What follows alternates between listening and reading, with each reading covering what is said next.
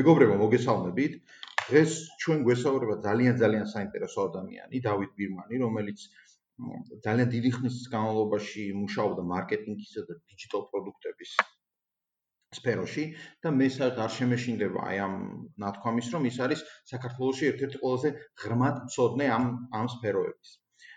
დღეს რაზეც დათოს მინდა ველაპარაკო, ეს არის საკითხები, რომელიც წარმოიშვა ზუსტად ამ COVID-19-ის შედეგად. ანუ ის ტენდენციები, რომელიც გამოვლინდა ბიზნესზე, როგორ შეიცვალა საერთოდ ბიზნესის ბიზნესის წარმოება და პირველ რიგში როგორ შეიცვალა თქო დიჯიტალ პროდუქტებისადმი დამოკიდებულება. იმიტომ რომ ჩვენ რაღაცა პერიოდის განმავლობაში სახში ჩავიკეტეთ და ვცდილობთ რომ აი ამ ჩაკეტვის გამო ვადაპტირდეთ და ცხოვრების ძველი წესი დავიბრუნოთ. ამიტომ ამ ამ საკითხებში ბევრი საერთოდ აი ამ დიჯიტალ პროდუქტების ბევრი ისეთი ბიზნესი და ადამიანი რომელიც დიჯიტალისადმი და ციფრული ტექნოლოგიებისადმი ანტაგონისტულად იყო განწყობილი მათ დაინახეს აი ამ პროდუქტების და ტენდენციების საჭიროება.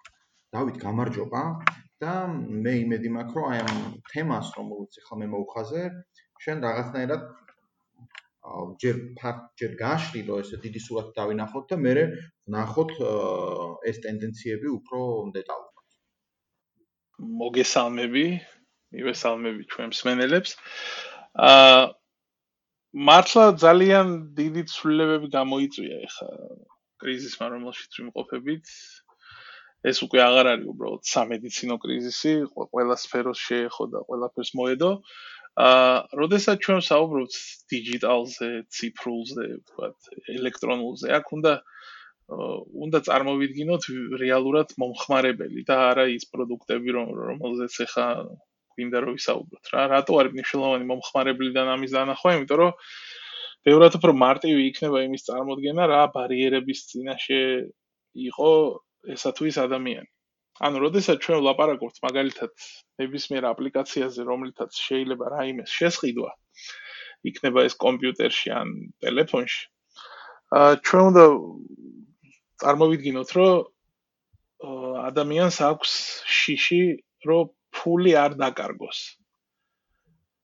აქვს შიში, რომ რასაც ხედავს ეკრანზე, ის არ მოვა. აქვს შიში, რომ არ მოერგება, აქვს შიში, რომ არ იმუშავებს და ასე შემდეგ. ანუ შიშების ნაკრებია, რომელიც მრავალი წელი მასთან იყო და იქიდან გამომდინარე, რომ ესე იგი მანქანით სავაჭრო ცენტრში მისვლა ბევრად უფრო ნორმალური და არც ისე რთული პროცედურა იყო, ცდილობდა რომ ონლაინში არ გასულიყო. იგივე ეხებოდა ვთქვათ, რატო უნდა არსებობდეს 24 საათიანი აფთიაქები ესე მასიურად, ხო? იქ გამოჭრილი ფანჯრით კარებში. მაგალითად, როდესაც შეიძლება რომ არსებობდეს მიტანის სერვისი, რომელიც ამას მოგიტანს, ხო? ნებისმიერ სფეროში, ანუ მარტო რიტეილზე არ არის საუბარი.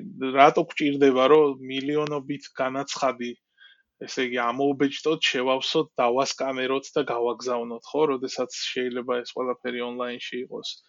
ძალიან ბევრი batch-დიანი დოკუმენტი, რომელიც დღემდე არსებობს და ასე შემდეგ, ანუ ყოველი ეს არა ონლაინ პროცესი, რომელიც დღემდე არსებობს, ეს სინამდვილეში არის შიშის თარგმანი, ესე იგი, იმ პროცედურაში რა. ანუ რაღაცის ეშინოდა იმ პროცედურის ავტორს და ამიტომ დარჩა ის სველი ბეჭედი ფიზიკური ვიზიტი მაღაზიაში, ფილიალში თუ ასე შემდეგ. აქედან გამომდინარე აა მივდივართ იქამდე, რომ ჯერ კიდე კრიზისამდელ პერიოდში ყველაზე დიდი ჩელენჯი აი ციფრული პროდუქტების განვითარების გუნდებთან გუნდებისთვის იდგა იმაში, რომ როგორ გამოვიცნოთ ეს შიში და როგორ დავაბალანსოთ. ანუ მაგალითად ყველაზე ისეთი ელემენტარული მაგალითი რომელიც მიყვარს არის რომ როგორ მიეჩვია ხალხი Paybox. ანუ გადახდის ტერმინალს, ხო? გადახდის ტერმინალი ხო, ანუ გადახდის ტერმინალი, რომელიც ფილიალში იდგა, ხალხი ამ ტერმინალის გვერდით იდგა რიგში. ჩვეულებრივ ფიზიკურ ოპერატორთან და იხთიდა кеშს ბანკის სალაროში, მაშინ როდესაც შეეძლო, რომ ესე იგი გადაეხადა პირდაპირ ტერმინალში, ურიგოთ. რატომ არაკეთებდნენ ამას, ხო? დავსვით ეს კითხვა და გამოვიკვლიეთ თავის დროზე. ესე იგი, რამდენიმე პოპულარული მიზეზი იყო. ერთ-ერთი მაგალითად იყო ის, რომ თუ ქვითარი მოვიდა 17 ლარი და 68 თეთრი, აა ესე იგი, Paybox-ი მიიღებს სავარაუდოდ 20 ლარიანს. არავინ ახლა არ მოდის მან 17 ლარი და 60 თეთრით, ხო? ამიტომ ის 2 ლარი და ასე შემდეგ ხურდები მნიშვნელოვანია ბევრისთვის. ამიტომ ერთი პრობლემა იყო ეგ, რატომაც არ მიდიოდნენ Paybox-თან. მეორე პრობლემა იყო ის, რომ ყველა სჭირდებოდა ფიზიკური ქვითარი. მესამე პრობლემა იყო, რომ ესე იგი Paybox-ი ხანდახან ყლაპავს, როგორც ადამიანებს ჩვევიათ, ესე იგი თქმა და წარმოდგენა. მეოთხე არის, რომ მე თვითონ შეიძლება როგორც მომხარებელს მეშინოდეს, რომ რაღაცას არასწორად გავაკეთებ და ფული არ დავკარგო. ესე იგი მთელი ამ პროცესის გაანალიზების შედეგად დაიყო ეს ყველაფერი ისე რომ ყველა ეს pain point-ი ყოფილიყო ასე ვთქვათ განკურნებული რა მაგალითად ესე იგი ფილიალში მდგომი Paybox-ის გვერდით დააყენეს თანამშრომელი ბანკის რომელიც ვთქვათ გიხსნის შიშებს და გასწავლის ან შენს მაგიურათაც კი აკეთებს ეს მაინც დანახარჯ ეფექტურია იმიტომ რომ ჩვენი ბუნება რო ვიცით ესე იგი სამჯერ რაღაცას რო გვასწავლიან, მეოთხეჯერ ჩვენ თვითონ მოვინდომებთ, რომ მაინც რაღაცნაირად ვქნათ რა, რაც არ უნდა რთული იყოს. ამიტომ ესე იგი ერთი რო თანამშრომლები დავაყენეთ. მეორე პრობლემა ესე იგი, როდესაც 20 ლარი შევიტანე და იქ მინდა რომ 17 ჩაირიცხოს, ესე იგი დავიწყეთ მობილური ნომრის მითითება და განსხვავების დასმა მობილურის ბალანსზე, იმიტომ რომ მობილურის ბალანსი მაინც მნიშვნელოვანი აა გადასახადია და ხშირად იხდიან ასევე. ანუ მაგან ეგ დააბალანსა. მერე მაგალითად ვაიმე ქვითარი რო არ იყოს მერე რამეშველება შემოღებულ იქნა, ვთქვათ, SMS ქვით არის ესეთი სისტემა, როცა მობილურის ნომერზე მოგდის კოდი და ეს არის შენი ქვით არის. შედეგად მივიღეთ ის, რომ ესე იგი ამ კონკრეტულ შემთხვევაში Paybox-ში გადახდები ძალიან მნიშვნელოვნად არის გაზრდილი რა, მთელი ქვეყნის მასშტაბით.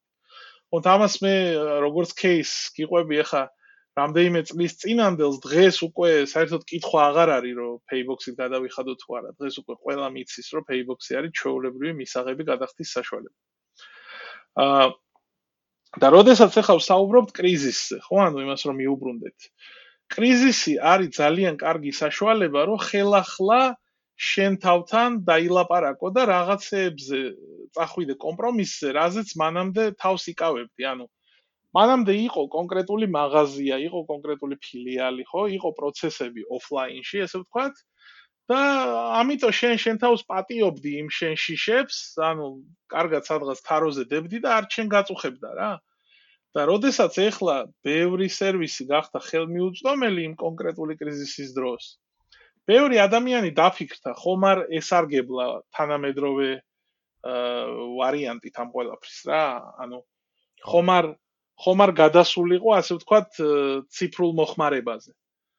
და შედეგად, ანუ მომხმარებლის პოზიციიდან შევხედოთ, ჯერ მას უკვე გაუჩნდა მზაობა. ჯერ არ ვსაუბრობ იმაზე, რამდენად ეს აწყობილია, მუშაობს თუ რა. მზაობა, როგორც მინიმუმ, რომ აა ონლაინში წავიდეს კონკრეტული სერვისი მიიღოს, გაუჩნდა. მეორე რაც გაუჩნდა, გაუჩნდა მოთხოვნა, რომ აა რაღაცები აკეთოს მაშინაც კი, როცა ფილიალი თუ ოფისი ფიზიკური ლოკაცია დახურულია. ანუ მრავალი წელია მაგალითად იუსტიციის სახს აქვს ონლაინ სერვისები, ხო? მრავალი წელია.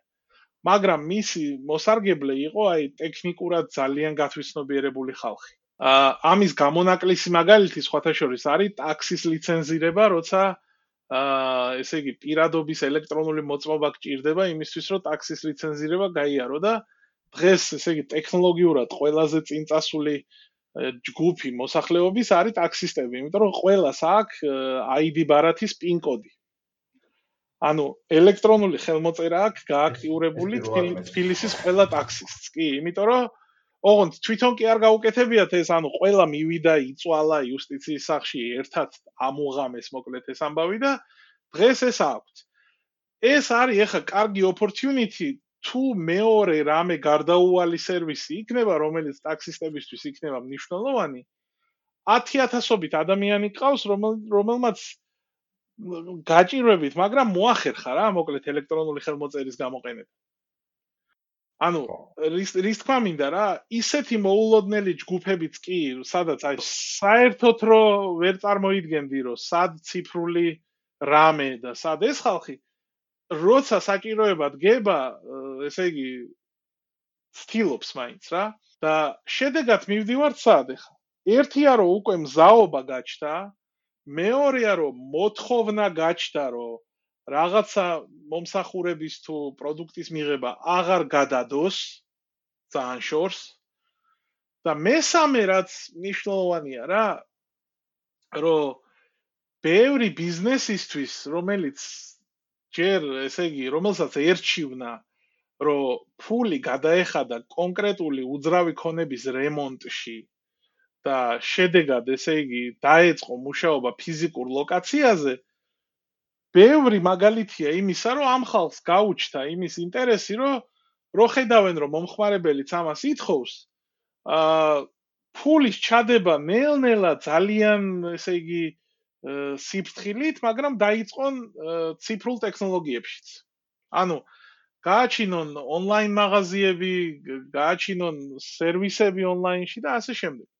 ბევრი ბევრი ბევრი ბევრი ცირე ბიზნესი არის, რომელიც უკვე ამას აჩვენებს რა.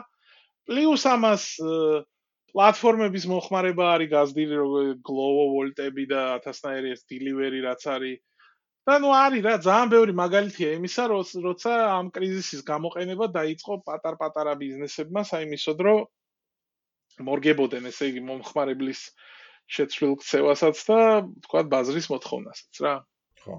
ხო, აი ეს არის მოკლე. აქ კიდე ანუ აი როგორ მაგალითებზე არის, იცი საუბარი, რომ ეხლა ყოველას გამოგვიწერია, ყოველას რა დარწმუნებული ვარ, შენი აუდიტორიის უმეტესობას გამოგვიწერია აა Amazon-იდან ან რაიმე ტანსაცმლის საიტიდან უცხოეთში, ხო? ანუ ეს იყო ჩოვლებრივი ქცევა. ამ დროს იმავე ბრენდების ქართულ მაღაზიებში შეუძლებელი იყო ონლაინში რაიმე შეკვეთა, ხო? ანუ აა ხო დაბრუნებაზე და იმაზე აღარ ვლაპარაკობ ზოგადად ონლაინში შეკვეთა იყო შეუძლებელი და ამ კრიზისის დროს გაჩნდა რაღაცა ჰიბრიდული ესე იგი პროცესები მაგალითად შედიოდი საიტზე იქ ეწერა ნომერი მე იმითი წერდი WhatsApp-ში აგდებდი ლინკებს და აი ესე მოქონდათ რა და მე აქ მოტანილზე ესე იგი პოსტერმინალზე უხდიდი და ასე შემდეგ რაც გულისხმობს რას? ორ რამეს. ერთი რომ თვითონ ამ სავაჭრო ობიექტებს არ ქონდათ მზაობა, რომ წესიერი ონლაინი ეკეთებინათ და მეორე არ ქონდათ იმედი, რომ მომხმარებელი ონლაინში ესეინ თუ რამეს იზამდნენ, ამით ისარგებლებ. და უცებ აღმოჩნდნენ იმ რეალობის წინაშე, რომ მომხმარებელს უნდა რაღაცეების ყიდვა, ამათი ბიზნეს ნიდია, რომ აუცილებლად გაყიდონ რაღაცა, რომ ბოლომდე არ დაიხურონ და შესაძლებლობა არ აქვს. და მოუწიათ აი ეს ცეხავიკური მეთოდებით ონლაინის აწყობა, როცა საიტზე წერია მობილური და მე მობილურში კარნახობ იმას უკვე პროდუქტებს რა. ოკეი, ეს პრინციპში საკმაოდ რეტროგრადულად ჩანს, მაგრამ ალბათ მაინც წინ გადადგმული ნაბიჯია. მე როგორი კითხვა გამიჩნდა, იცი რა, აი წარმოიდგინე ახლა რომ ეს კრიზისი მორჩეს. დაუშვათ აი წლის ბოლომდე რომ ეს კრიზისი დამთავრდეს და ჩვეულებრივად ან წამალი გამოიგონონ, ან ვაქცინა გამოიგონონ, ან უბრალოდ ვირუსმა უკან დაიხიოს და ნუ აღარ იყოს საჭიროება რომ ხალხმა პირბადით იაროს სახში იჭდეს და ყველანი დაუბრუნდნენ ჩვეულებრივ ცხოვრებას. ანუ რამდენად დიდია შენი აზრით როგორც მარკეტინგ მარკეტოლოგის აზრით ან როგორც ფსიქოლოგის აზრით და ალბათობა იმის რომ თოშდეს კონსერვატული ხალხი რომელიც მიჩვეული იყო რაღაცა ტიპის თქო ცხოვრებას, ხო? და თქვა ის დადიოდა მანქანით მოლში და ასევე ჩადიოდა დილის 3 საათზე აფთიაქში. თქო ამ ხალხმა რო ეს ცხოვრების წესი უკან დაიბრუნოს. ანუ ანუ რამდენად ანუ გამდინარე იქნა რა ჩვენ გვაქვს, ანუ ჩვენ გვაქვს რომ კრიზისმა გააჩინა, ეხლა რა ყოველ შემთხვევაში იქიდან გამდინარე ჩვენ მოყევი, ხო? გააჩინა მზაობა და მოთხოვნა, რომ დავუშვათ ციფრულ ტექნოლოგიებზე ხალხი გადავიდეს, მაგრამ ბიზნესი არ არის მზად რომ ხისიერად უპასუხოს ამ მოთხოვნას მთელი რიგი ობიექტური ფაქტორების გამო. ანუ შეიძლება რომ ეს კრიზისი თეორიულად დავკარგოთ, უფრო დაკარგოს იმ ბიზნესმა, რომელიც ცდილობს რომ რაღაცნაირად გამო თავი გამოიჩინოს როგორც ტექნოლოგიურმა ბიზნესმა, თუ ის რაღაცა მოკლე ხანში დამთავრდება. რა არიცი, ძალიან კაი კითხვაა ზოგადად მე ჩემ საქმიანობაში მიყვარს ხოლმე ფიქრი არა პროდუქტებით, არამედ ექსპერიენსებით. რომელიც ესე იგი არ ითარგმნება ქართულად როგორც გამოცდილება, არამედ უფრო რაღაც პროცესია რა, ვიდრე გამოცდილება არის უკვე წარსულის შეჯამება და ექსპერიენსი კიდე ახლა რო პროცესი არის აქ და ახლა, ესე იგი ეგ ამბავია რა. და რატო ვამბობ ახლა ექსპერიენსებს რა? მე ჯერა იმისი რომ ერთი პროდუქტი მეორე პროდუქტს კი არ ანაცვლებს ახლა ამ მომენტში რა. ერთი ექსპერიენსი ანაცვლებს მეორე უარეს ექსპერიენს. და რატომაც ეს მნიშვნელოვანი დაშვება არის ის, რომ აა თუ ჩემთვის მოლში სიარული არის არა ტანსაცმლის შეძენის ექსპერიენსი, არამედ რაღაცა სოციალიზაცია, ესე იგი, კაი გარემონტებულ ინტერიერში გავისეირნე ექსპერიენსია. ავადავლიე. ხო, ხო. მაშინ მეზობელი. მაშინ ონლაინი ამას ვერ მოერევა. იმიტომ რომ მე ონლაინში კი არ გადავიტანე, ის რა ქვია, მოლში სიარულის ექსპერიენს. მე გადავიტანე მოლში რომ დავდივარ, აი იქ რომ მე მაღაზიაში შევდივარ, აი ის ექსპერიენსი. და ეგენი თანაზომადი არ არის. ხო. ამიტომ თუ ჩვენ ვლაპარაკობთ იმაზე, რომ ხალხი გასართობად დადიოდა შოპინგზე, გასართობად მოსიარულე ხალხი შოპინგზე, ონლაინში შოპინგს არ დაიწყებს, ან დაიწყებს გამონაკლის შემთხვევებში. მაგრამ ის ხალხი, ვინც ესე იგი აა ბევრ სხვა მოთხოვნის დასაკმაყოფილებლად დადიოდა ოფლაინ ლოკაციებზე და ეს მათ სიამოვნებას არ ანიჭებდა, ან მათთვის ეს ექსპერიენსი არ იყო, ვთქვათ, ისეთი, რომ რაშიც ისინი მზად არიან, რომ დრო ჩადონ, მაშინ ამის გაონლაინებას ხალხი დათანხმდება და იქნებიან კვანყოფ. ეს არის მნიშვნელოვანი დაშვება რა. ეხლა აქ მეორე საკითხი ის არის, რომ რატომაც მე გეუბნებოდი, რომ აი WhatsApp-ში ვაჭრობენ მეთქი რა. აა ნიშნულოვანია გვესმოდეს, რომ ძალიან ბევრი ბიზნესისთვის ონლაინი იყო რაღაცა გაუგებრობა რა. ანუ ძალიან ბევრი ფიზიკური ბიზნესი, რიტეილერი და რავი, მართლა ძალიან ბევრი სხვადასხვა ტიპის ბიზნესისთვის ონლაინი იყო რაღაც მათი წარმოდგენის იქით. გულისხმობს რას? ანუ გვინახავს რა რაღაც გაუგებარი კამპანიები, მაგალითად Facebook-ში, ხო? გვინახავს საიტები, რომლებიც არსებობს, მაგრამ კითხვა გაგვჩენია, რომ დალოცვილო რა გინდოდა ეს საიტი რო გაქვს რა? ტელეფონის ნომერი არ გიწერია ზეთ ანუ როგორ მოგაგნო არ გიწერია რა პროდუქტი გაქვს არ გიწერია? ეს about us-ებში რო უწერიათ ხოლმე რომ ჩვენ ვართ კომპანია პროგრესული გუნდით ესე იგი პროგრესული მიზნებით და რაღაც აი აბსოლუტურად ზოგადი ბულშიტი ხო? ანუ ეს ყველაფერი წინა წლებში მეტყველებდა იმაზე რომ ვები ონლაინი დიჯიტალი ბევრი კომპანიისთვის იყო წარმოქმნილი როგორც აი როგორც ითქვა საიმიჯო დანიშნულების ინსტრუმენტები რა და არა საქმის გასაკეთებელი ინსტრუმენტები. იმიტომ რომ ლიდ ლიდი საიდან უნდა მოვიდეს საიტზე მე საიტზე კონვერსია როგორ უნდა მოხდეს და ბევრი ესეთი ელემენტარული თითქოს საკითხი ხო თუ საიტი გაქვს რო ძალიან უცებ უნდა გესმოდეს რას ნიშნავს. ბევრი ბიზნესისთვის არც არაფერს არ ნიშნავდა წინა წლებში. ბევრს საიტი ქონდა, იმიტომ რომ მათ head office ქონდა საიტი მაგალითად. ბევრს Facebook-ის გვერდი ქონდა, იმიტომ რომ მათ კონკურენტთან დაინახეს და არ გამოაკლდნენ ამ საქმეს, ასე ვთქვათ. და ასე შემდეგ. ამიტომ ესე იგი, სხვანაირად ამას რო შევხედოთ, სახვალეოთ იყო შემოდებული, ესე იგი, თაროზე, რომ აი ციფრულს მართლა რაღაცას მეરે ბოლოს გავაკეთებ. ბევრს სხვათა შორის ონლაინ მაღაზიებიც მაგ რეჟიმში ქონდათ, ანუ ქონდათ, მაგრამ არ ქონდათ ჩაბმული მაგალითად მარაგების მართვაზე წესიერად. ან არ ქონდათ წესიერად უკან მიღების პოლიტიკა, ანუ დაბრუნების პოლიტიკა, მიტანის პოლიტიკა. ბევრისთვის 5 დღეში და 3 დღეში მიტანა ითვლებოდა ჩვეულებრივ ამბად. და მომხმარებელიც დიდათ არ ნერვიულობდა ამაზე, იმიტომ რომ რა პრობლემაა ეხა ის 3 დღე დაკავებული რო ხარ სამსახურში, შეიძლება არც გაგახსენდეს ის შეკვეთა რა. და შენც ყაბულს იყავი რომ რატომაც არა კაი არა უშავს და იმ პირობებში როცა ეს სამი დღე გამოკეტილი აღმოჩნდი სახში უკვე წამზომი ჩაგერთო რა თავში და აღარ პატიობ იმ მაღაზიას თუ იმ კომპანიას უკვე სამ დღეს, უკვე წუთების დაგვიანებას აღარ პატიობ რა. და შედეგად მივდივართ ახლა რა დასკვნამდე რა, შენ კითხვას რომ მიუბრუნდეთ. მე მგონია რომ ძველი ესე იგი ექსპერიენსი 100%-ით ვერ დაბრუნდება. ხო. იმ ხალხისთვის, ვინც გასინჯა და დაინახა ამის ბენეფიტები. ანუ ძალიან ბევრი ადამიანისგან გვესმის, რომ ბევრად მეტი დრო გამოუთავისუფლდა. ანუ ვიღაცებმა სახლიდან მუშაობის რეჟიმი უკვე დაკანონებულად მიიღეს მისი დამსაქმებლისგან, ვიღაცები მიხვდნენ, რომ ესე იგი ნებისმიერი ქალაქიდან მუშაობა შეიძლება და ასე შემდეგ რა, ანუ ძალიან ბევრი ცვლილება არის, რომელიც კომპანიები რაც არ უნდა ეცადონ მომხმარებელია შეცვლილი ესე ვთქვათ რა.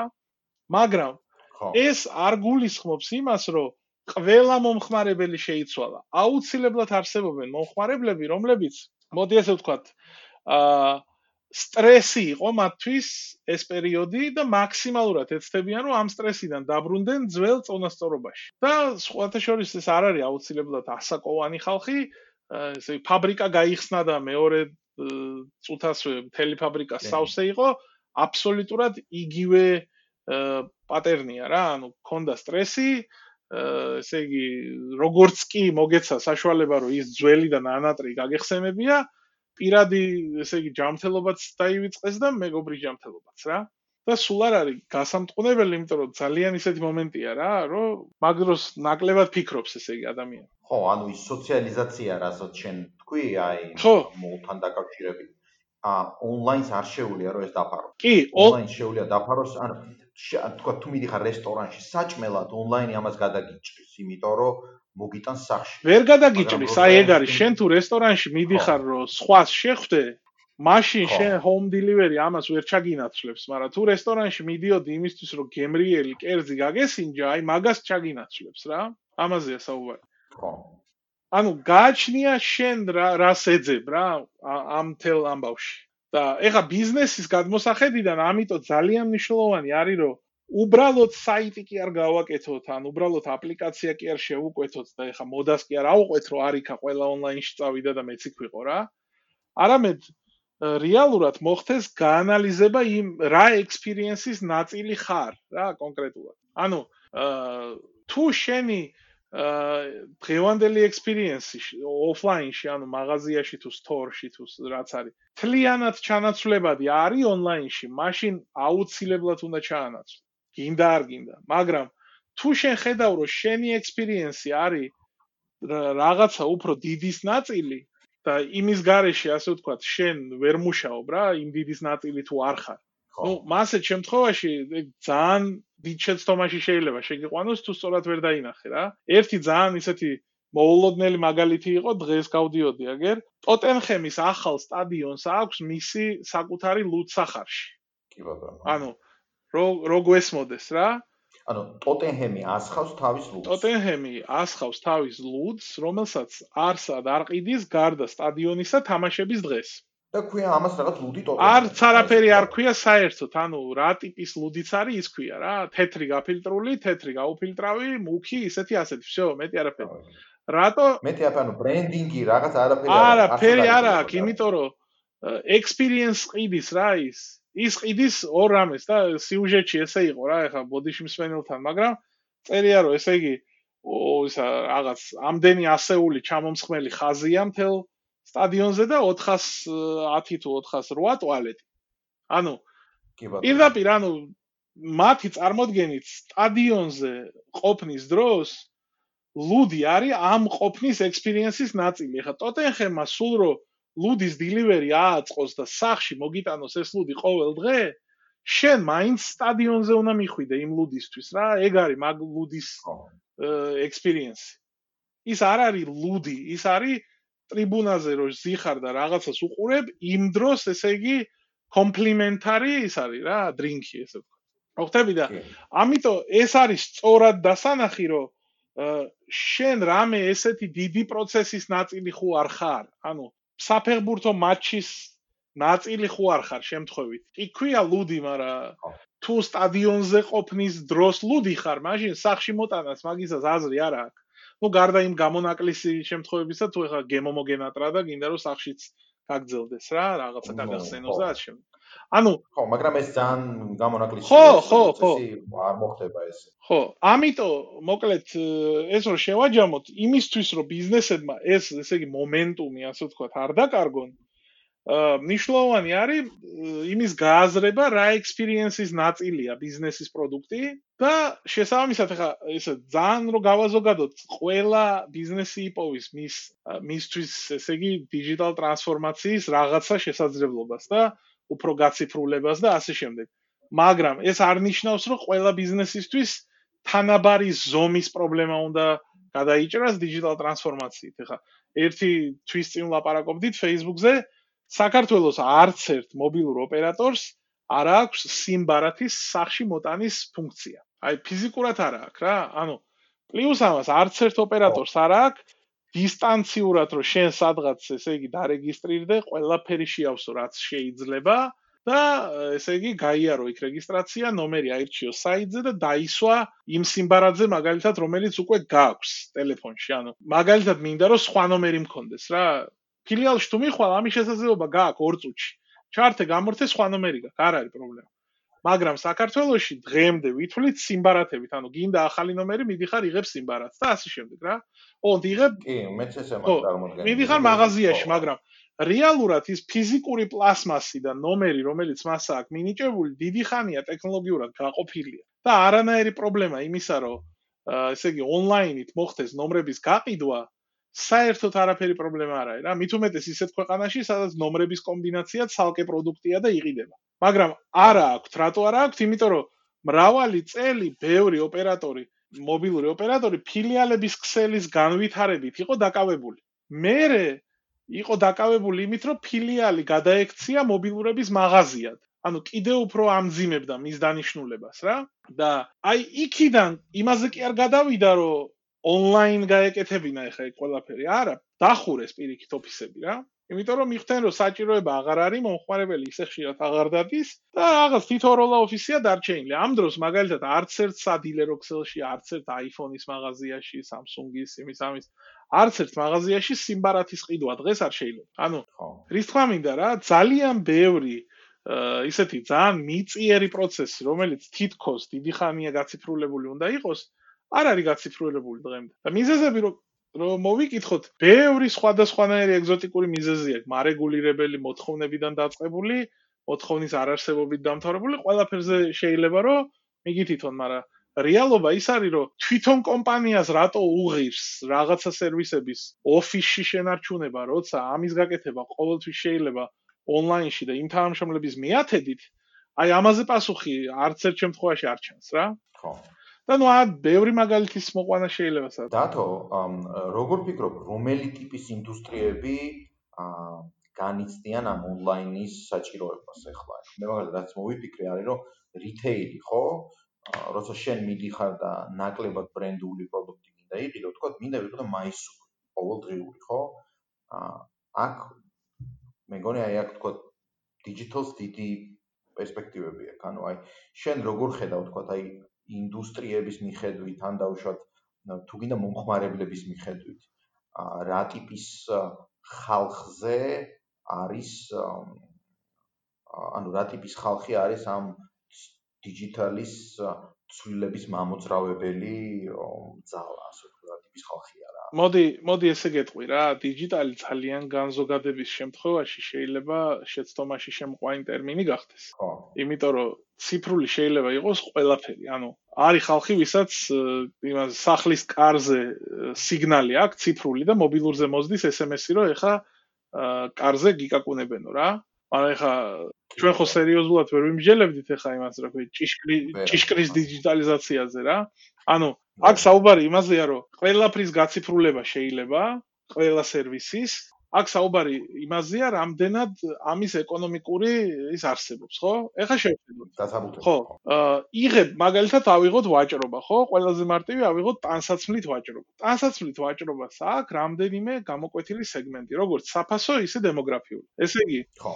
საფასო სეგმენტებში ყველაზე, ესე იგი, ისეთი რო გავასაშვალოთ, ანუ არაექსკლუზიური ბრენდების ტერიტორიაზე, აი Inditex-ის მაგალითი არის ძალიან კარგი, მაგალითად თბილისი მოლში რო შეხვალ, პირდაპირ არის სეგმენტაცია რა. ანუ ზევიდან ქვევით რო ჩამოვყვეთ, Massimo Dutti, Zara, Bershka, Stradivarius. ანუ ზევიდან ქვევით მოვდივარ. ერთი და იგივე ტიპის საქონელი იაფთება ესე რომ მოყვები რა, ხო? 4 ბრენდი მაგალითად. ესე იგი იმის ქვეშ არის მე რეპლიკა ბრენდები, მე არის ნონ ბრენდები, არის B კატეგორიის ბრენდები, ასე შემდეგ და ვაფშე არა ბრენდები, რომელიც ერთი იმდენი იწმეოდეს რა, ხო ესეა? ხო. ყოველ ამ სეგმენტს აქ მე რამდენიმეერად შეიძლება გაშალო. ანუ ერთი არის ვინც შოპინგის ექსპერიენსით кайფობს, ასე ვთქვათ. ხო? ანუ მისთვის სიამოვნებაა, რომ ესე იგი მაღაზიაში წავიდეს, თორე იქიდან რას მოიტანს მეორე ხარისხოვანია ცოტა ხანი. ერთი იმდენი იქ რამეს ეძებს, ხო? ერთი სასტავი. ხო. მეორე დიდი ჯგუფი არის ფასდაკლებაზე მონადირე ხალხი, ხო? აი ფასდაკლებას რო დაუწერ მაშინ რო მაშინ რო იხოდება, ასე ვთქვათ, ხო? მაშინ იღვიძებს მაშინ ეს ყველაფერი. და არის სუპერ სუპერ სუპერ მინიმალურის გადახთაუნარიანი ხალხი, რომელსაც უნდა რომ თან ადამიანურად ეცვას, მაგრამ ფული არა აქვს რა, საიმისო რომ ეხა მართლა იშოპინგოს, ხო? და მე ამის მიხედვით ეხა არის გრადაციები, ესე იგი, მოლები, პეკინი, ბაზრობა, იმისი რა ქვია, დინამოს, მე ლილო ბოლოს, ხო? ეს ყველაფერი არის. ხო. აი ხა ყველა ამ კომპონენტში რომელიც ვილაპარაკეთ ხო რეალისტურად გეჩვენება ის დაშვება რომ სავაჭრო სივრცეში გადახთილი ფული არის მნიშვნელოვანი ხარჯი ყველა ამ ბიზნესისთვის. ხო, სადაც არ უნდა იყოს, ანუ მე არ ვიძახი ხა ინდმე წარმე რო ხარ და საწყობში რო ზიხარ და პირდაპირ საწყობიდან რო ვაჭრობ, იქ ეკონომია სავარაუდოდ არ გექნება.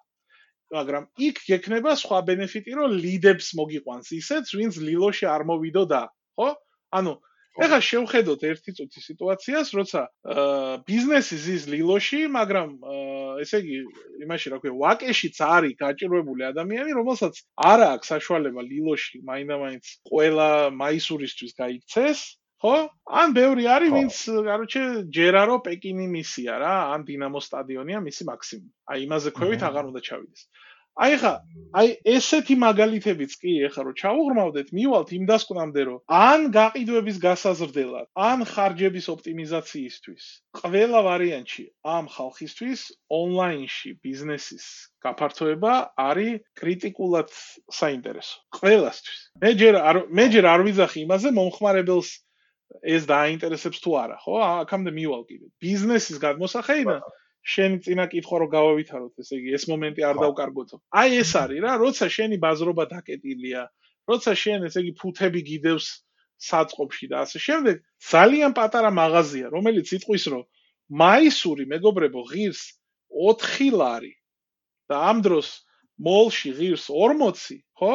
და სხვაობა ხარისში არა. ხო, ნუ კოტონია რა, ეხა ბამბის არის ისიც ეს. ბამბისგან შეკერილი სადაც. ხო, რა, და ეხა თუ ის არის თეთრი თუა ფერიც არ გადაუვა რა, ანუ გამართლებაზეა კიდე. ხო. მოგლეთ რის თქვა მინდა რა?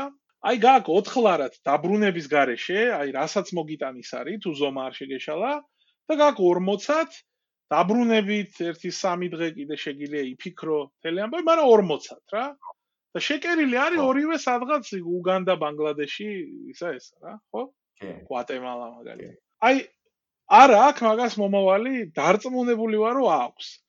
ფიქრობენ ამაზე დიდი ალბათობით არა. რატო? იმიტომ რომ თელი სამუშაო დრო იხარჯება, ესე იგი, ოფლაინ პროცესებზე და ესე იგი ეს არის გადადებული მეორე ხარისხოვნად აი ბეთ არის შემონახული რა მეორე იმათ რომ აი ამას მერე ვიზამ რა ოდეს. ისიც თუ აქვს ვიღაცებს გააზრებული რა. და ამიტომ ყველა ბიზნესი შეიძლება გაციფრულდეს აქ საუბარი იმაზეა რომელი დადგება პირველი მომხმარებლის მოთხოვნა და არ ტყავს ქვევიდან და ესე იგი ბიზნესი ამაზე რეაგირების რეჟიმში დაიწყებს ცვლილებებს თუ ეყოფა იმის უნარი, რომ ესე იგი რაღაცა ცვლილებები თვითონ დააინიციროს, თვითონ წამოიწყოს და მომხმარებელს შეატყობინოს იქით, როგორც სიახლე და მიაჩვიოს ამ სიახლეს, რა, რომელიც ბევრად უფრო სწორი სტრატეგია მგონია ძალიან ხშირ შემთხვევაში, იმიტომ რომ ჩვენთან მომხმარებელს უყვარს ტექნოლოგიური სიახლეები და სულ რამდენიმე ბარიერია, რომლის ესე იგი სწორი მართვის შემთხვევაში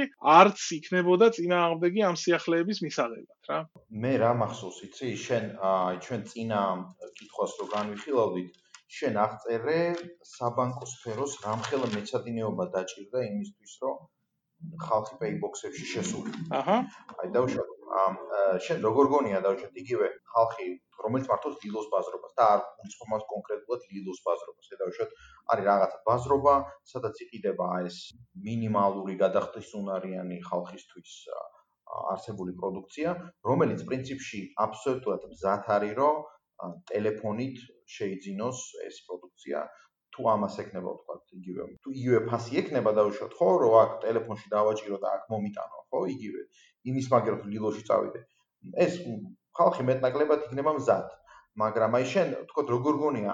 აქ თუ არა თქვა იმ კომპანიებს იმის ინვესტიციის უნარი და დაუშვათ რისკისზე წასვლის საშუალება რომ ესეთი საგანმანათლებლო პროცესი ჩაატარონ იმიტომ რომ ესე პირდაპირ დავუშვათ რომ წააწყოს მე ყოველ შემთხვევაში ჩემი აზრით რა თქო აი დილოს ბაზრობა რომ წააწყოს საოცარი პლატფორმა რომელიც ძალიან კარგად იმუშავებს იქნება ყველა ნიუანსი კარგად გათვლილი მაინც მათ მოუწევთ ამ პლატფორმის ასე ვთქვათ და ამ პლატფორმაზე მუშაობის ჩვევების რაღაცნაირად გადაცემა თავიანთი მომხმარებლისთვის ანუ აი ამ წმინდა ლოგისტიკურად აი ამას როგორ ხედავთ თორე პრინციპში ორივე მხარე მზად არის რა, ანუ ორივე მხარე მიჩის რომ ეს ჭირდებათ, უბრალოდ რაღაც რატომღაც ვერ აკეთებენ რა, აი რაღაც მე ეგეთი შევიძლება დამჭა. რა არიცი, პირველი დავიწყოთ იმით, რომ ბაზრობის ადმინისტრაციას არასდროს არ უნდა აინტერესებდეს ონლაინ პლატფორმის გაკეთება, იმიტომ რომ რეალურად მაინც ბაზრობაზე მიჯაჭულობას ცდილობს რა. რომ ის უძრავი ქონების კომპანიაა საბოლოო ჯამში რა. მაგრამ რეალურად თუ დიჯიტალიზაციის ტემპი იქნება მაღალი, მაშინ ონლაინ ბაზრობის ადმინისტრაციას ექნება იმის ინტერესი, რომ ონლაინ შოპი გააკეთოს, რომელიც იქნებოდა სხვადასხვა მაღაზიების აგრეგატორი რა. ანუ ამის ინტერესი ექნებოდა. მაგრამ ეხლა სხვა რამეს შეხედე რა. მობილური სად იყიდე ბოლო? აა მე მგონი ალტაში, რომელიც გავი, გავი, გავი, გავი. Samsung-ი იყიდე ესე იგი. აა არა იცი რა აი ავრორას აა გავი გავი. ხო ეგ ეგეც იყო კი ალტა ექსპრეს აა ალტა ექსპრეს ეხლა აღარ არის ბოლდა 15 წლის წინ სად იყიდი მობილურს? უიმედე და 2005 წელს. ბაზრობაზე ნამდვილად ეხა მე ბაზრობაზე იყიდი ყველა ვარიანტი ხო ხო ხო ხო იქ არჩევანი გექნებოდა ესე იგი კიდობანი ან პანდა რა თუ ძალიან ისეთი დაშლილი ტელეფონი გინდოდა მაგრამ ცოტა იაფად მაშინ ისნის ბაზრობაზე გადიოდი რა ანუ რის თქმა მინდა მობილურის ყიდვის ექსპერიენსი რამდენიმე წლის წინ იყო აი ეგეთი რა. და ტელეფონის სტენდებიც კი აი ისეთი როგორიც ეხლა არის მაღაზიებში ეგეც კი არისო რა. შუშის ქვეშ იდო და ტელეფონი რო ეჩვენებიათ ძალიან სერიოზული ის იყო რა პროცესი ანუ უნდა გაეღოთ ეს რაღაც შუშის ვიტრინა და ასე შემდეგ რა. და ყველა ამ ტელეფონის ქვეშ მე პიშალკა იყო დაყენებული რომ ხმა გამოეცა და ასე შემდეგ. ანუ რის თქმა მინდა ამ პერიოდში ზუსტად რა, ზუსტად იმ წლებში, როცა ჩვენ ბაზრობაზე დავდიოდით, იმ წლებში გააკეთეს ექსპერიენსი, რომელიც იძახდა, რომ ჩვენ ყველანაირ ხარვეს უკან დავიბრუნებთ, ჩვენი მოტოციკლეტი ამას მოგიტანს, შენ შეხედე იქვე ყველაფერი და ფული იქვე მოგვეცი და ასე შემდეგ. ანუ 15 წლის წინ, ну 14 წლის წინ ესე ვთქვათ რა, ეს ექსპერიენსი უკვე იყო ესეთი. ხო. და უკვე შესაძლებელი იყო რაღაცეების გადიჯიტალება. უბრალოდ, ეხა რასაც დიჯიტალს ვეძახით, ადრე ამ ყველაფერს უფრო დისტანციური სერვისი ერქვა, იმიტომ რომ რაღაცეები ტელეფონით გვარდებოდა და აპლიკაცია არ მონაწილეობდა. ანუ დღეს უბრალოდ ყველა ამ პროცესში რაღაცნაირი აპლიკაცია არის ჩართული და ამიტომ ვეძახით, რომ გაციფრულდა და დიჯიტალი და ის. სინამდვილეში აქვს საუბრობთ იმაზე, რომ დისტანციურად არის თუ არა რაღაცა სერვისები მოხერხებადი რა. და აი ეს მაგალითი ძალიან კარგია იმ თვალსაზრისით, რომ პირდაპირ გვაჩვენებს, რომ შენ თუ რაღაცა ინოვაციას ექსპერიენსში შეთავაზებ მომხმარებელს, კონკურენტულ უპირატესობას შეიძლება გადაიქციო რა. ანუ ხო. გასაგებია რომ educational cost-ი ასე ვთქვათ შენ გეტენება რა, იმიტომ რომ შენ წამოიწყე რაღაც მაგრამ ეგეც აღარ იქნება მალე რელევანტური, იმიტომ რომ ყველა თუ წავიდა იმ ონლაინში, ანუ უკვე ნასწავლი და განათლებული მომხმარებელი მოვა შენამდე რა.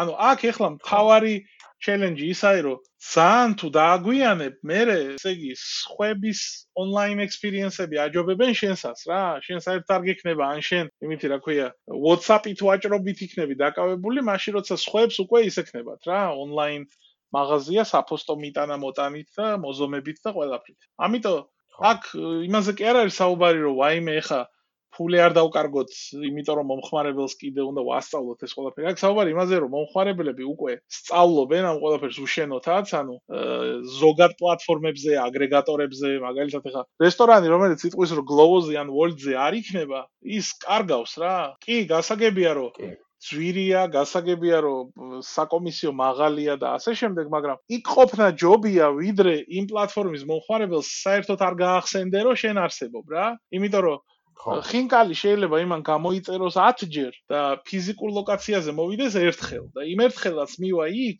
საიდანაც გამოწერილი აქვს რა. და არა იქ შენ რო იმედი გაქვს რომ ყველაზე კარგი ტერასა გაქვს და ყველაზე კაი ხედი რა. შეიძლება იმ მომენტში ხედი საერთოდ არ არჩიო თუ ყველა შენიანი იქ არ არის რა. და ამიტომ რაზე არის იცი საუბარი რომ ეგ კი მნიშვნელოვანი არგუმენტია რომ ფული როგორ არ გადავყაროთ და არ დავკარგოთ იმაში რომ სხვებს რაღაცებს ვასწავლით მაგრამ მაგ ლოგიკით დღემდე ფილარმონიის სალაროებში უნდა ვყიდულობდეთ ყველაფრის ბილეთს რა. რა თქმა უნდა. ხო, ამიტომ მე მესმის რომ რაც უფრო დაბალ მარჟიან თემაში ხარ, მით უფრო მეტად გეშინია, ესე იგი, ციფრულ ტექნოლოგიებში, ის რა ქვია, ფულის ჩადება, მაგრამ რაც უფრო მარჟა იმატებს ან რაოდენობის გაზდის ამოცანა გიდგას ან სხვა ბევრი ჩელენჯია, მით უფრო ლოგიკური ხდება, რომ გაციფრულება არის საშველი რა. კი ბატონო. იცი, მე რა დასმა გამოვიტანე, რომ რაღაც რაღაც გამომარტივე ეს სამყარო და დავყავი ორ ნაწილად. ანუ ერთი არის დავუშვათ experience-ი, რომელიც არის ძალიან უტილიტარული, როცა შენ სადღაც გინდა რაღაც შეიძინო, აა და ამას ადრე თუ გვიან დიჯიტალი სრულიად ჩაანაცვლებს, ანუ მაგალითად მე თუ ეხლა ჩავდივარ თქვა პარში, იმიტომ რომ ვიყიდო ძალიან ცალსახად განსაზღვრული პროდუქცია, ადრე თუ გვიან მე მივეჩვევი იმას, რომ მობილურიდან გამოვიწერო და რაღაც წინასწარ დავღი ჩემი დღე ისე, რომ დავუშვებ რასაც პარში ვიდულობ, ეს ვიყიდო დიჯიტალად და ნუ ეს ამას მივი, მაგრამ იქ სადაც არის ემოციური სფერო ჩართული დავუშვებ, სადაც არის ემოციური ექსპერიენსი და რაღაცა სხვა ტიპის მე ვიტყოდი რაციონალური ფაქტორებია, ამას ონლაინი პრინციპში ვერ მოერევა ამ ამ ტიპის ექსპერიენსი. რამდენად აი დრო დასკვნის სახით რო გავაკეთო, რამდენად ზიარა. რა არის აა ჩვენ ფაქტიურად მთელი საუბარი მიუძღვენით გაციფრულების ძალიან კონკრეტულ ვიწრო ნაწილს, რასაც ქვიოდა აი სამხარებლო საგნების შეძენას და ასე შემდეგ. ძალიან ბევრი ცირე დეტალია, რომელიც მაგალითად ფიზიკური ექსპერიენსის გაციფრულებასაც იტანს რა. მაგალითად რავი აი ეს ძალიან საინტერესოა. მაგალითად რა? ხო აი ნახე ავიღოთ მაგალითად დისნეილენდი ხო? დისნეილენდი არის ექსპერიენსის მექა. ანუ აი, ტოლობის ნიშანი შეგიძლია დასვა Disneyland-სა და Experience შორის. ანუ იქ რო მოხვდები, ესე იგი, უნდა აღმოჩნდეს ზღაპარში. ზღაპარში აღმოჩენა დაახლოებით იგივეს ნიშნავს, რაც კაზინოში რო საათი და ის არ არის, რა ქვია, პანჯარა. ანუ გარე სამყაროსთან კავშირი უნდა დაკარგო, ხო? ეხლა გარე სამყაროსთან კავშირის დასაკარგად არის რამდენიმე მნიშვნელოვანი კომპონენტი, რომელიც უნდა გაითვალისწინო. ანუ ერთი ეს არის ფული, მეორე ეს არის ტრანსპორტი და მესამე ეს არის არის ცხოვრება, ხო? ანუ სადღაც უნდა იცხოვრო სანამ დისნეილენდში. მათ შორის ყველაზე მნიშვნელოვანი არის მაინც ისა რა ქვია, ფული. იმიტომ რომ cash თუ იხთი გარე სამყაროსთან კავშირი გააქვს, იმიტომ რომ გახსენებს რომ ზღაპარში არ ხარ.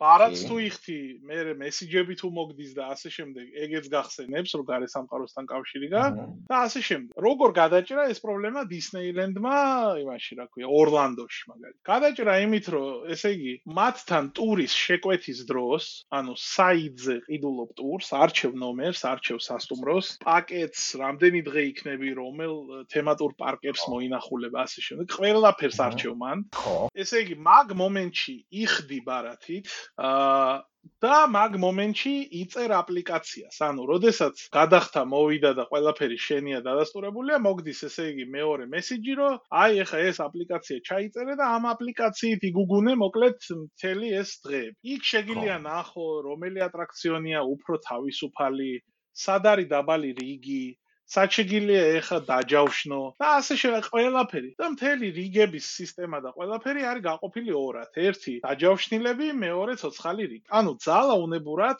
მათ გარემოში ხარ რა. ცდილობ რომ Facebook-ებში და 1000 სხვა დესტრაქტორებში არ გაგექცეს რა მომხმარებელი. და შესაბამისად შექსვეს ამ აპლიკაციაზე მაქსიმალურად ცდილობენ რომ ეს გამოიყენო და ეხა ჩეკინი გაქვს რა. ჩეკინის დროს ესე იგი, აეროპორტიდან ხას უსვამ, ანუ ორლანდოს საერთაშორისო აეროპორტიდან მოყავხარ დისნეილენდის ავტობუს, ანუ დისნეილენდის საქალაქთაშორისო ავტობუს მოყავხარ აეროპორტიდან სასტუმრომდე. მე სასტუმროში დაჩეკინების მომენტში გაძლევენ ბრასლეტს, რომელზეც არის ელექტრონული გასაღები.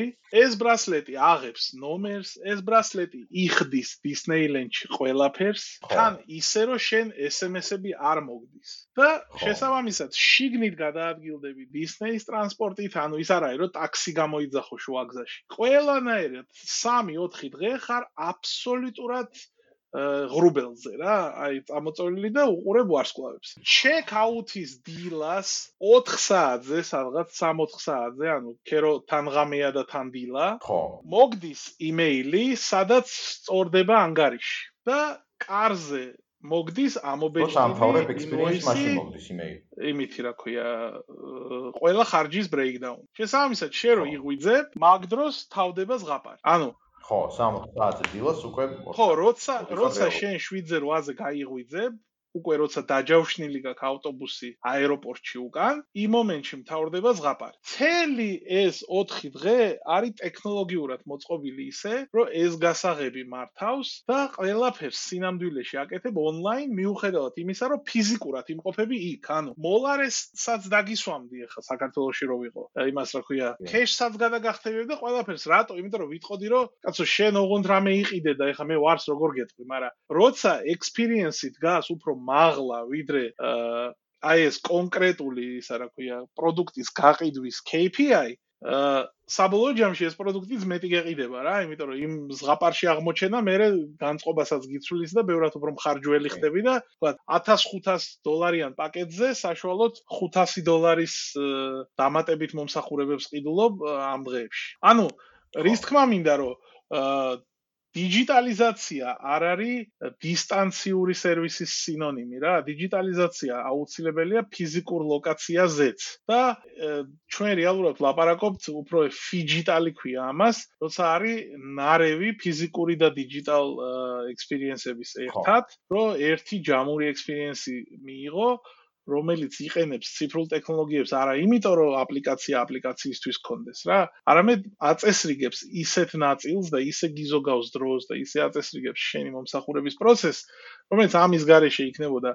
რიგებით გრძელი იმეებით რა ქვია ლოდინის რაღაცა მთელი პროცედურებით 10 მიმართვით გადამისამართებით და ასე შემდეგ რა. აი ეგ არის მან თავარი რომ თავარია რომ დიჯიტალიზაცია არ წარმოვიდგინოთ როგორც ისა საიტის შეკვეთა, აპლიკაციის შეკვეთა ან რაღაც ეგეთი და პროდუქტის მიწოდება, იმით რა ქვია, სკუტერით რა, ანუ ეგ ყველაფერი ცხადია რომ რა, ამ ყველაფრის გამოვლინებებია, ცირე გამოვლინებები, მაგრამ ბევრად უფრო მნიშვნელოვანია იმის გააზრება, რომ დიჯიტალიზაცია ფიზიკურ ლოკაციებზეც მნიშვნელოვანია, როცა თქვა მომხმარებელი დგას ჩვენს წარმოსახვაში ამ ყველაფრის ცენტრში და არა ისა ბიზნესის პროდუქტი ან საქონელი ან რაღაც კონკრეტული მომსახურება რა. ხო, ძალიან საინტერესოა ეხა ეს რომ მოყევი მე თვითონ ვიყავი ამ ორლანდოში ზუსტად, მაგრამ ეს იყო სადღაც წინა საუკუნეში 97 წელს. აჰა. აი იქიდან რაც შენ მოყევი, ერთადერთი მახსენდება რომ იყო ავტობუსი. აჰა. აა და ძალიან ნიშანდობლივია თქო თვითონ როგორ გადა ანუ ამ ციფრული ტექნოლოგიების შედეგად როგორ გადაფორმატირდა მთელი ეს ექსპერიენსი, იმიტომ რომ ავტობუსი ძალიან კარგად მახსოვს, იმიტომ რომ აი ეს პროცესი ჩვენ ცხოვრობდით დაუშვათ პარკის ტერიტორიაზე არსებულ რაღაც პატარა სასტუმროებში და იქიდან რაღაც ავტობუსები დადიოდნენ კიდე პარკში, მაგრამ დანარჩენი ეს ყველაფერი არ არსებობდა, ანუ ქონდა ფული და ძალიან კარგად მახსოვს, რომ რაღაც ჰოტდოგები ძალიან ძვირი ხდება და მე მეძვირებოდა ეს რა. ანუ ეს ძალიან საინტერესო მაგალითია ჩემთვის, იმიტომ რომ მე ვნახე ეს სამყარო როგორი იყო მანამდე სანამ მობილურ ტელეფონს მოიგონებდა საერთოდ. კი, კი, ისაა რა ქვია, მე პარიზის დისნეილენდში ვარ, ქეშის და ბარათის დროს ნამყოფი და აი ორლანდოში ვარ ნამყოფი უკვე ამ ელექტრონული გასაღებით და წამოვიღე გასაღებს ერთ დავშალე მე ვნახე აქ როგორც იყო და როგორ აიცი, ზუსტად აი ძალიან მიყვარს ეს მაგალითი, იმიტომ რომ აა ძალიან კარგად ასახავს, რომ არ არის აუცილებელი იმაზე ფიქრი, რომ დიჯიტალი ნიშნავს დისტანციურს რა. ძალიან ბევრი ბიზნესი აფთიაქების ექსპერიენსი, ბევრი გასართობი ცენტრის, მოლის მოლში მოსულ ადამიანსაც ჭირდება ციფრული ექსპერიენსი იმისთვის, რომ უკეთესი გახდეს მისი ყოფნა რა. ანუ ბევრი, ბევრი, ბევრი ადგილია, რომელიც აი გვერდს უვლის დიჯიტალს, გონია რომ ეს არის მარტო Facebook-ზე რეკლამის დატრიალება და ესე იგი ქართული ფენომენია, ესე იგი აპლიკაციის რეკლამირება ბილბორდზე ქუჩაში. ეს საერთოდ ისეთი უნიკალური ამბავია, იმიტომ რომ ესე იგი რატო უნდა აიღო მაინდა-მაინც ვაკესაბურთალოზე ბილბორდი რო ზე საიტის მისამართი დააწერო და ამ დროს ესე იგი ფული არ დახარჯო ინტერნეტში რომ იგივე ადგილას ხალხი მოიყვანო, ეს ცოტა ის არის გაუგებარი რა, მაგრამ ბევრი ეგეთია კი. კარგი, ეს ძალიან საინტერესო საუბარი იყო. მე მინდა დიდი დიდი მადლობა მოგახსენო ამ ამასთან დაკავშირებით. მე პირადად ძალიან ბევრი რამე გავიგე და ძალიან სხვა კუთხით შევყედებ ძალიან ბევრ ფენომენს. დათო და რა ვიცი. მე იმედი მაქვს რომ ეს ციფრული ტექნოლოგიები უფრო შემოვაერთო.